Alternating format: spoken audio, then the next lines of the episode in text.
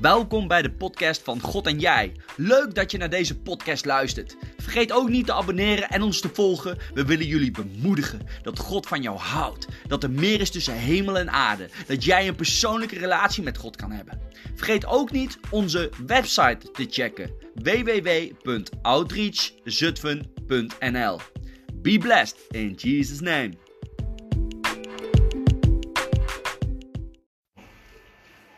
Dat wil zeggen, misschien ben je opgevoed gelovig, maar wist je niet wie God was. Dat kan heel lang duren. Maar het kan ook zo zijn dat je totaal niet met geloof bent opgevoed en op een gegeven moment erachter bent gekomen. Door iemand op straat of door de buurvrouw of door je oma of oom en tante of ja, noem het maar op. Zijn er hier mensen die dat herkennen? Ik ben daar zo eentje van. Mooi. Martin ook, Ilana ook. Oh, best wel veel mensen, Herman. Wauw. Ik wil heel graag jullie getuigenis wel eens horen. Ook voor jou, Herman. Ben er heel benieuwd naar. Ja, lijkt me geweldig. Weet je, vandaag gaan we weer even terug naar die genade van God. Ik, ik, ik dacht heel tijd aan dit laatste nummer. En toevallig zegt Benjamin, ja, ik, uh, zal ik nog, of toeval bestaat niet in het Koninkrijk van God. Zullen we nog één nummer doen? Ik zei, ja, dit nummer. Die, dat, dat is echt een nummer die mij raakt. Waar gewoon het evangelie in staat. Dat nummer luister ik zo vaak. Ik heb echt momenten dat ik dat nummer op herhaling zet. Hij droeg het kruis. Voor iedereen. Oh ja, ook voor een pedofiel en voor een moordenaar. Hoe moeilijk wij dat ook kunnen begrijpen met ons vlees. Maar toch deed hij dat. Want een hond wordt niet vals geboren, maar trapt hem één keer te vaak en hij wordt vals. Zelfs zo'n slechte iemand kan door de genade van God veranderen. En als je het moeilijk vindt, de Bijbel leert ons hele vreemde dingen. Paulus, die echt een moordenaar was, zelfs vrouwen en kinderen oppakte, meedogenloze man, wordt de grootste eerste evangelist die de wereld rondgaat. Mozes, die iemand vermoordt, wordt 40 jaar later geen moordenaar meer genoemd, maar de zachtmoedigste man die heeft geleefd. Amen. Dat doet onze God. Als hij jou aanraakt, word je opnieuw geboren. En ja, de duivel zal tegen Mozes nog zeggen: Je bent een vieze moordenaar. En ja, Paulus had een doorn in het vlees. En misschien was dat wel de kwelling van wat hij had gedaan. Wie zou het zeggen? Tuurlijk deed de duivel hem daarmee pesten. Maar nee, de Heilige Geest bemoedigt ons, bevestigt ons en je hebt een nieuw leven. En daarom vind ik het zo mooi. Toen ik de hand ook van Herman zie, zie, je, zie je omhoog gaan, dan word ik nieuwsgierig naar. Een oude iemand in ons midden die met een glimlach zijn hand opsteekt als we die vraag stellen. Wie herkent dat? Maar weet, en daar ben ik ook wel benieuwd naar, voor de mensen die net hun hand opstak. Toen je tot geloof kwam, zag je toen ook dat God eigenlijk altijd er al was? Ik wel. Ik wel. En weet, ja hè, maar wij verstonden hem niet, omdat we nog niet de Heilige Geest hadden. Maar God was er altijd. Amen. En ik vind dat zo bijzonder. God laat niemand los. God weet zelfs de grootste criminelen in de gevangenis op te zoeken en tot levend geloof te leiden. En weet je waarom Jezus ons zo goed begrijpt? Omdat hij in alles ons is voorgegaan. Doe jongens. Ik ga jullie een stukje voorlezen. Als we dus Hebreeën, is een, uh, echt een mooie studieboek die Paulus eigenlijk schrijft. Waar gewoon preken zijn. Waar zoveel bemoedigingen in staan, maar ook gewoon als je het leest, gewoon eigenlijk een preek lees je. En in hoofdstuk 3 legt hij eigenlijk ons iets uit. Wat Jezus heeft gedaan als mens. Wow, want God had de wereld zo lief. Dat hij zijn enige geboren zoon heeft gegeven. Letterlijk. Jezus had ook kunnen zeggen: Ja, papa, dat durf ik niet. En dan had God misschien gezegd: Oké, zo, maar dan, dan, dan komt het nooit meer goed. Maar Jezus zei: Ik durf dit niet, maar ik doe het, papa. Want ik hou van jou, papa. En ik weet dat jij van die mensen houdt. En je hebt alles tot heerlijkheid voor mij gemaakt, papa. Dit is ook een van de grootste geschenken die je aan mij hebt gegeven. Dus ik doe dit. Want wat is in zijn geval 33 jaar tegenover de eeuwigheid? We leven met een missie. Ik hoop dat we allemaal 80 of ouder worden hier op aarde. Ik geloof dat we dat niet halen, want Jezus zal vast wel eerder terugkomen. Ik kan het niet bewijzen, maar daar heb ik geloof voor. Als ik de Bijbel lees en de profetieën allemaal in vervulling bijna zie gegaan zijn. De Euvra staat bijna uh, droog. Dus dat, die opname, laat die maar komen. Halleluja. Wie, wie wil liever dat Jezus vandaag komt dan morgen? Oké, daar ben ik blij om te zien. Daar ben ik blij om te zien. Moet iedereen tot bekering zijn gekomen. De Bijbel zegt daarom ook, hè. Ga heen en verkondig het evangelie. Ook dat is een stukje wat God van jou vraagt. Ben jij bereid om mijn zoon te laten zien? In woord en daad. En als de woord niet kan, in daden. Want niets is zo aanstekelijk als liefde. En de grootste kracht van de christendom is de liefde. Maar laten we niet vergeten dat de wereld vandaag, wat ook een grote eindteken is, een verkeerde liefde zo normaal wilt maken dat zelfs kerken erin trappen. En dat vind ik mooi en ik bemoedig jullie allemaal. Luister eens David Maasbach. Die gast die heeft zulke, op dit moment, krachtige preken die zo belangrijk zijn in deze tijd. Hij zegt waar het op staat. En hij zegt het niet om mensen belachelijk of kapot te maken. Nee, hij zegt het vanuit de passie voor Jezus. En dat de kerk nu niet de verkeerde liefde moet binnenlaten, maar de mensen niet. Hij, hij zei op een gegeven moment, dat vond ik zo mooi. Sommige kerken brengen helemaal geen goede evangelie. En er komen mensen als zondaars binnen. En ze zijn, als ze weggaan, helemaal blij. Maar ze gaan ook weer naar huis als zondaar. Hij zei, misschien zijn mijn preken niet altijd geliefd. Maar laat de zondaren maar komen. Maar bij mij zullen de zondaren in ieder geval de kans krijgen om te veranderen. Want het evangelie, helemaal in de laatste dagen, wie wil dat nog horen? Wie wil Jezus aanhoren toen hij uiteindelijk de belangrijkste dingen zei? Hij vroeg ook soms van mensen dingen die niet fijn waren. De bezetene, hè? ongelooflijk verhaal, die zei, Jezus, ik wil met u meegaan. Maar weet je wat Jezus zei? Nee, ga naar je familie, ga naar je vrienden en vertel wat er is gebeurd. Vertel over de kracht en de liefde van God die jou heeft vrijgezet. De vrouw die bij de put kwam, de vijfde man had. Een zondaar, een vrouw. Jezus praatte met haar wat al ongewoon was en hij zei niet, kom bij mij mee. Nee, hij zei, ga naar het dorp. Vertel maar wie je hebt ontmoet. En dat deed ze. Eigenlijk zijn het allemaal verhalen om jou en mij te bemoedigen. Vertel wat ik in jouw leven heb gedaan. Ik ben niet onzichtbaar, maar ik leef door het geloof. Ik leef doordat je ontdekt wanneer je het woord gaat volgen. Ja, zegt de Bijbel toch eerlijk? Het is het smalle pad. Het is de moeilijkste pad om te bewandelen. Maar het is de pad naar het leven. Het is de pad naar het leven. Die je waarlijk vrijzet. En is dat moeilijk? Ja. Want nogmaals, ik ben een zondaar. En allemaal zijn zondaren. Maar dat is zo mooi. Als we dat beseffen. Dan weten we nog meer hoe groot die genade is. Nog meer hoe mooi die tweede nieuwe leven is. En ja, we vallen nog wel. Want er zijn maar mensen. Maar door die onvoorwaardelijke liefde van God zegt hij niet: luister naar de duivel, maar luister naar mij. Laat je weer reinigen met het bloed van Jezus. Voor mij apart bekeer je weer af en toe opnieuw. Dat is niet erg. Ik lig ook wel eens op mijn knieën, vaak onder de douche, omdat ik hem dankbaar ben. En dat ik wel eens dingen heb gedaan, of het nou tegen mijn vrouw of tegen mijn zoon is, door vermoeidheid of wat dan ook. Dat ik op mijn knieën ga aan, Heer, sorry. Met mijn hart. En ik weet, misschien moet mijn vrouw of mijn zoon er nog van bij komen, maar God heeft me vergeven. De duivel wil me, wil me, wil me, wil me kleineren, wil me klein houden, wil me de dag slopen en kapot maken. Maar nee, God houdt van jou. Jij bent geen vergissing en je mag wandelen in die tweede. In het echte leven eigenlijk. Niet in het tweede leven, maar je, eigenlijk gewoon je, je, je nieuwe kans. Waarvoor je gemaakt bent. En God is zo goed dat hij meteen zegt: Genade heb je, dat is het eeuwig leven. Maar ik zou zo graag willen dat je vrucht gaat dragen. Ik zou zo graag willen dat je probeert op mij te lijken. En dan gaan we van glorie naar glorie. Dan gaat God ons snoeien. Gaat God zorgen dat je gaat bloeien. En dan ga je zo, dan, dan ga je het licht zijn. Dat, dat, dat is het. Het geestelijk licht. Het, niet het letterlijke licht, natuurlijk gezien, maar wel het letterlijke licht waar je voor bedoeld bent. Het geestelijke licht. Dan ga je ontdekken, ik leef in een gebroken wereld. Het gaat niet meer om mij, het gaat niet meer om mijn vlees. Het gaat om die redding, het gaat om de ziel, het gaat om de geest. Halleluja. Jezus leeft alleen maar door die geest. Was hij bang? Ja, hij, hij, tranen. Wou hij soms dingen niet? Zeker niet. Maar hij liet zich niet verleiden door de duivel. Hij liet zich niet. Wat zei je? Zweten bloed. Ja, wat zei ik dan? Tranen. Oh ja, zweten bloed. Dat bedoelde ik ook. Hij zweette bloed van angst. Dat is heftig. Nou, dus helaas hebben we daar ook mee te kampen. Met al die gekke emoties. Want er is een heerser hier op aarde. Maar hij weet, zijn tijd is nabijgekomen. Ja. De duivel zit het voor ons als we in onze bestemming komen. Hij zit het ervoor wanneer jij niet alleen gered bent, maar ook mensen probeert te redden. En dat kan jij niet doen, maar toch heeft God jou uitgekozen om jou te gebruiken. Om over Hem te getuigen. Om de sleutel door te geven.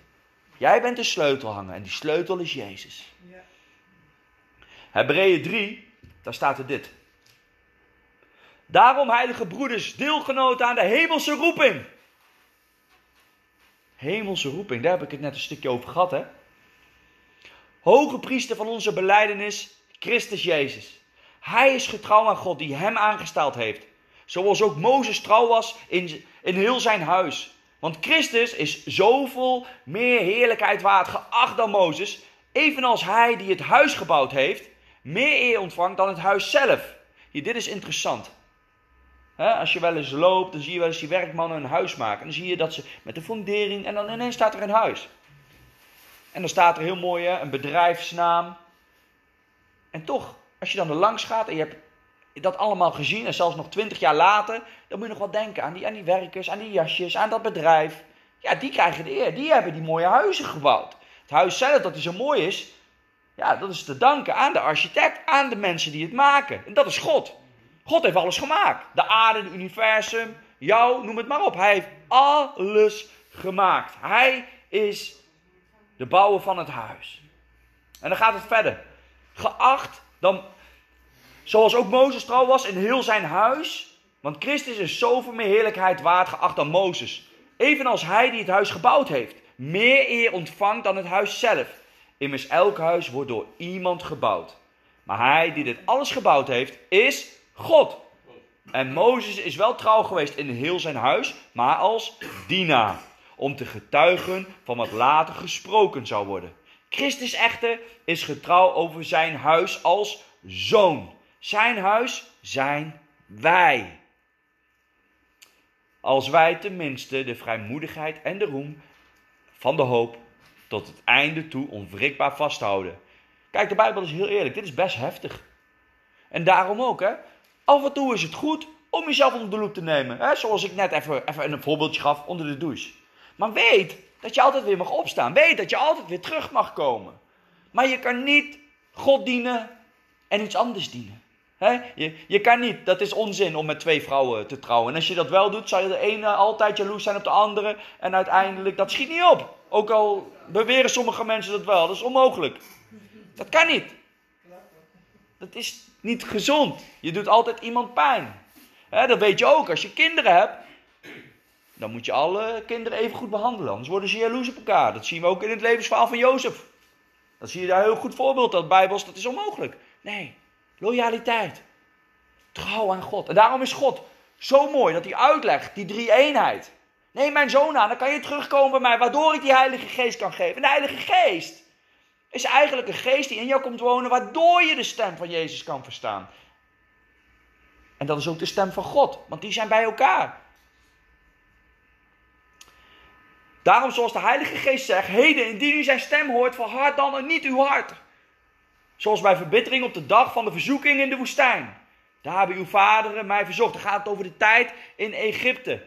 En dan eindigt het ook op een gegeven moment. Hè, Onder leiding van Mozes uit Egypte waren ze weggetrokken. En op wie hij dan 40 jaar lang vertoond geweest? Was het niet op hen die gezondigd hadden? Van wie de lichamen zijn gevallen in de woestijn?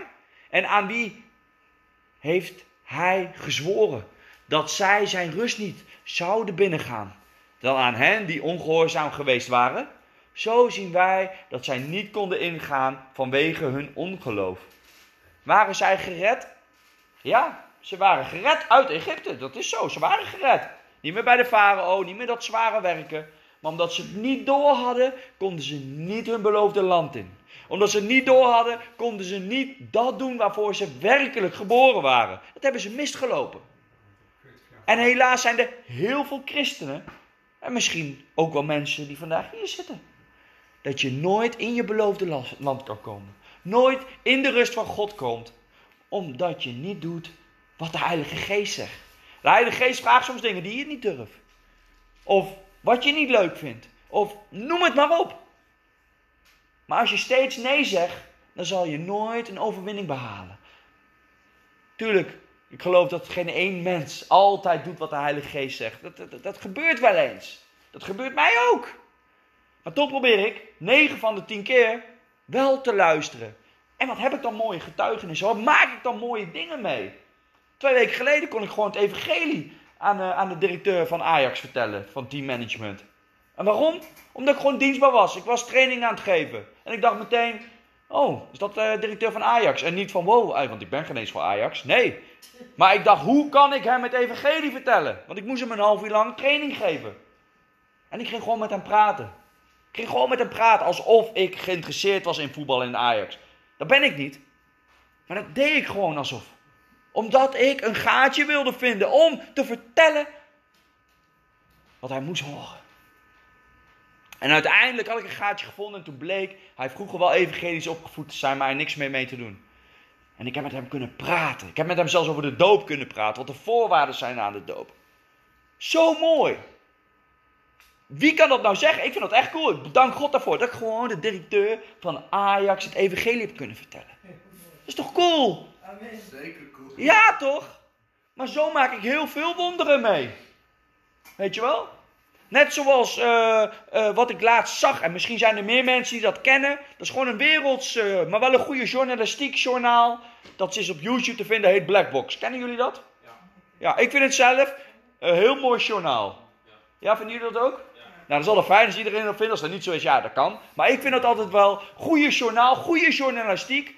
Maar die dingen zeggen die je eigenlijk juist moet horen. Maar wat, wat de media maar liever niet zegt. Want dat is, oeh, is toch een beetje spannend.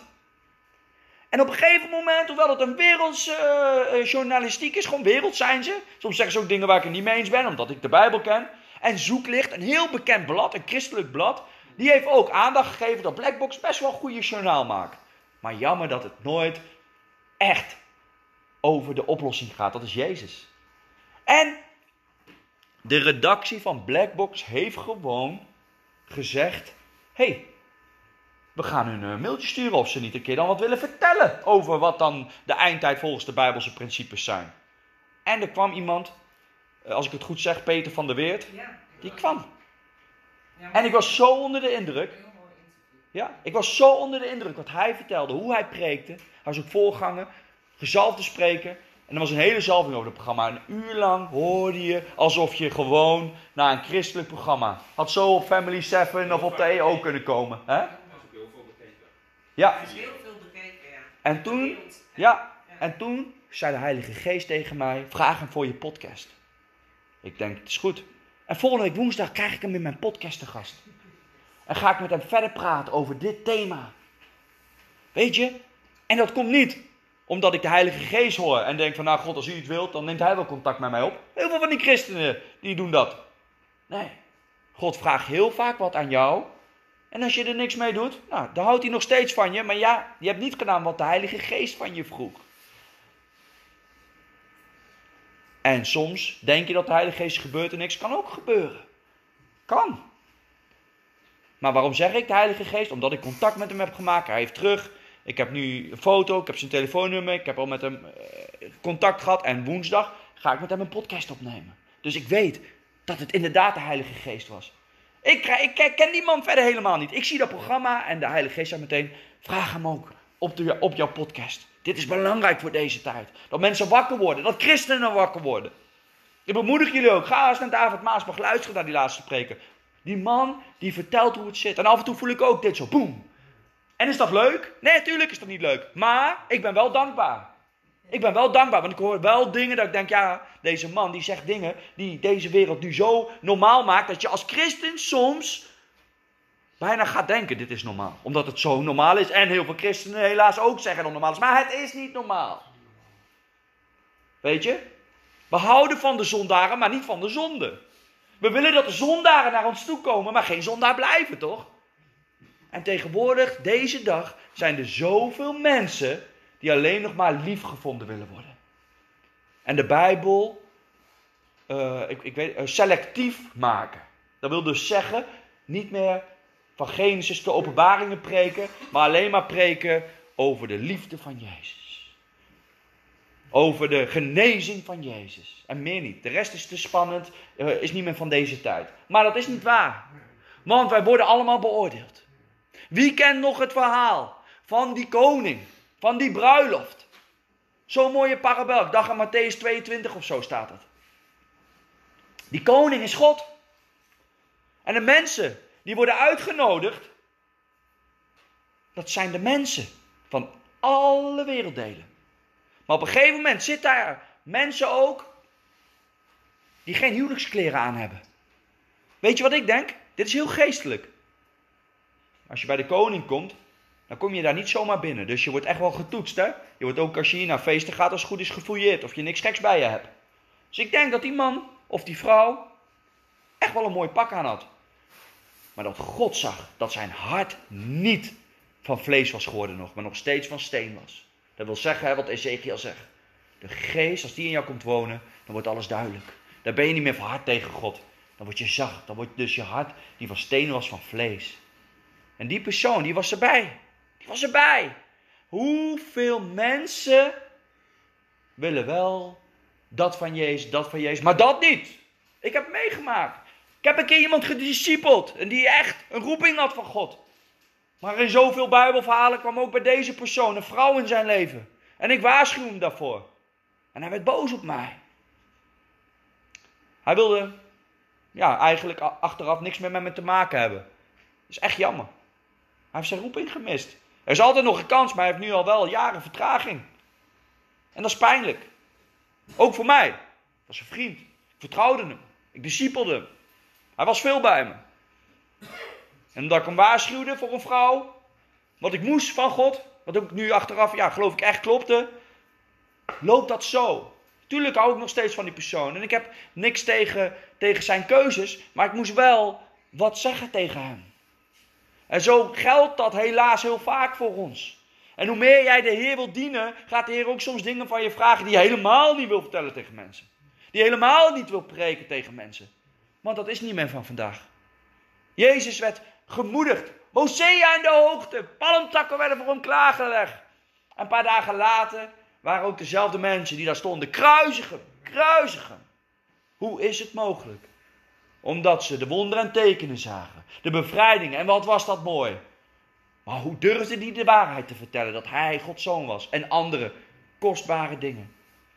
Dat is zo jammer. En er zijn zoveel mensen in de wereld die verdwaald zijn.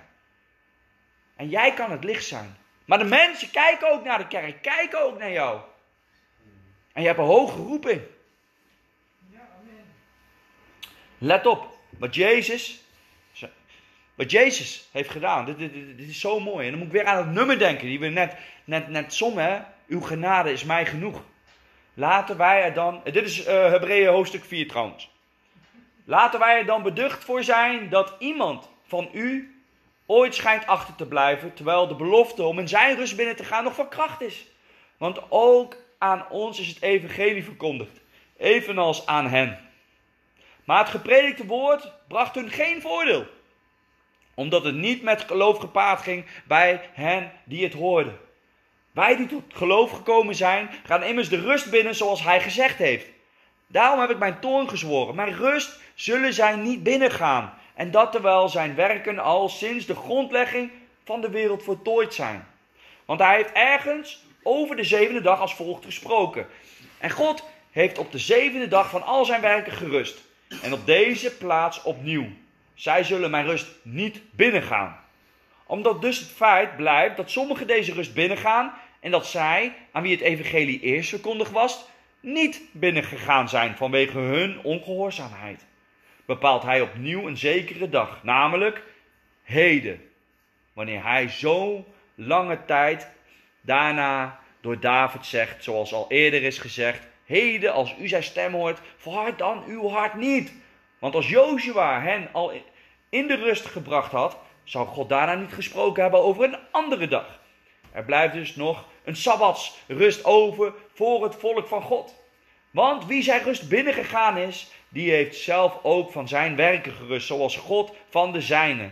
Laten wij ons dan beijveren om die rust binnen te gaan, opdat niemand door het volgen van dit voorbeeld van ongehoorzaamheid ten val zal komen. Want het woord van God is levendig en krachtig en scherper dan enig tweesnijdend zwaard.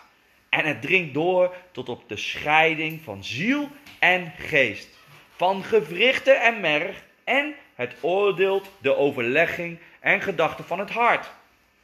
En er is geen schepsel onzichtbaar voor hem. Maar alles ligt naakt en ontbloot voor de ogen van hem aan wie wij rekenschap hebben af te leggen. Nu wij dan een grote hoge priester hebben, die de hemelen is doorgegaan, namelijk Jezus, de Zoon van God. Laten wij aan deze beleidenis vasthouden. Want wij hebben geen hoge priester die geen medelijden kan hebben met onze zwakheden. Maar één die in alles op dezelfde wijze als wij is verzocht. Maar zonder zonde laten wij dan met vrijmoedigheid naderen tot de troon van de genade. Omdat wij barmhartigheid verkrijgen en genade vinden om geholpen te worden op het juiste tijdstip. Ik lees heel Hebreeën hoofdstuk 4 door met jullie. Omdat hier wel degelijk een belofte staat die lost is van de eeuwige redding. Als jij gelooft in je hart dat Jezus Christus jou heeft gered, voor jou gekruisigd is voor jouw zonde en uit de dood is opgestaan, ben jij een hemelburger. Heb jij de Heilige Geest. Maar als jij steeds niet naar de Heilige Geest luistert, zal je niet in de ware rust komen. Als jij niet naar God gaat luisteren, zal jij nooit op jouw beloofde pad wandelen. Nog sterker, misschien wandel je wel op de brede pad en niet op de smalle pad. Omdat je steeds je hart alsnog verhardt voor Hem. eigenlijk ben je gewoon dan de hele tijd een vervelend pubertje voor God. Ik wil gewoon jullie vandaag alleen maar bemoedigen met er rust een roeping op je leven. Je bent niet meer je oude jij, je bent je nieuwe jij. Je bent nieuw geboren door Jezus Christus. En dat is eigenlijk daarom waarom Jezus zegt: bekeer je en laat je dopen. Bekeren is, ik geloof u God, u hebt uw zoon gestuurd. Voor mij gekruisigd, wow, voor mij al mijn zonde. Hij begrijpt mij, heeft alles meegemaakt als mijn hoge priester. En hij heeft de dood verslagen omdat de zonde hem niet kon houden. Dat is de straf op de zonde, de dood. En daarom gaan alle mensen dood, omdat we allemaal zondaars zijn. Maar de geest is gered door Jezus Christus. We hebben het eeuwig leven. En dan zegt Jezus, oké, dit geloof je. Je bent bekeerd, wauw. Laat je nu dan dopen. Dopen is eigenlijk, ik wil opnieuw geboren worden. Maar niet vanuit het vlees, maar vanuit de geest. Dat is toch bijzonder? Dat God zoveel van ons houdt, dat hij heeft gekozen om ons te laten dopen in water. Het water wat symbool staat voor het wassen, voor het schoonmaken. Je gaat helemaal onder. En je staat op. Je oude jij hè, is dood, ligt onder het water. En je nieuwe jij staat op, schoon en gewassen. Oh, halleluja.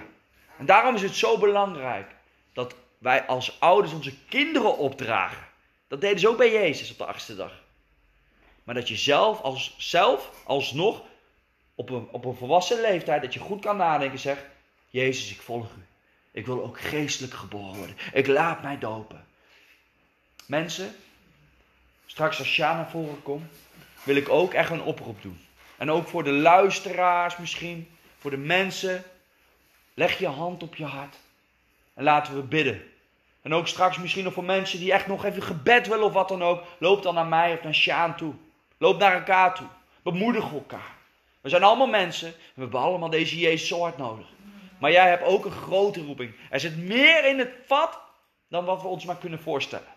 God zegt namelijk: Ik wil je meer geven als je maar aan mij kan vragen of zelfs kan bedenken.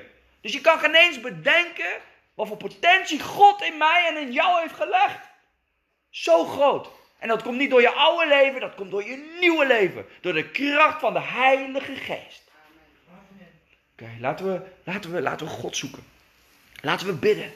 Laten we opnieuw weer gewoon zeggen: Heer, hier ben ik. Heer, ik wil u volgen. U bent de Alpha en Omega. We leven in een spannende wereld en u komt spoedig. Heer, wilt u mij reinigen weer met uw kostbare bloed? Wilt u mij en onze harten reinigen? Mogen we weer opnieuw opstaan? Mag het vuur, het heilig vuur in ons weer ontvlamd worden, dat we in de fik staan van koning Jezus. Niet alleen in woord, niet alleen in daad, maar in alles. In ons gezin, op werk, op school, daar waar we komen, daar waar we mogen zijn. Dat ze zullen zien dat we stralen. Dat het een geestelijk licht is vanuit de hemelse gewesten, die u in ons ontvlamd heeft, Vader God. Heilige Geest, wilt u ook ieder die hier is, ieder die dit hoort, bemoedigen en influisteren dat we geliefde kinderen zijn. Dat er een roeping op ons leven ligt. Als we zijn gevallen, dat we weer mogen opstaan. Alleen door die genade. Heer, en help ons, help ons. Als de duivel ons dingen wil wijsmaken. Dat we weten, dat we onderscheid krijgen. Dat wij ook gedachte krijgsgevangenen nemen. En de gedachten van Christus eigen maken. Die altijd hoopvol, goed en bemoedigend zijn. In de machtige naam van Jezus. Dank u wel, Heer. Amen.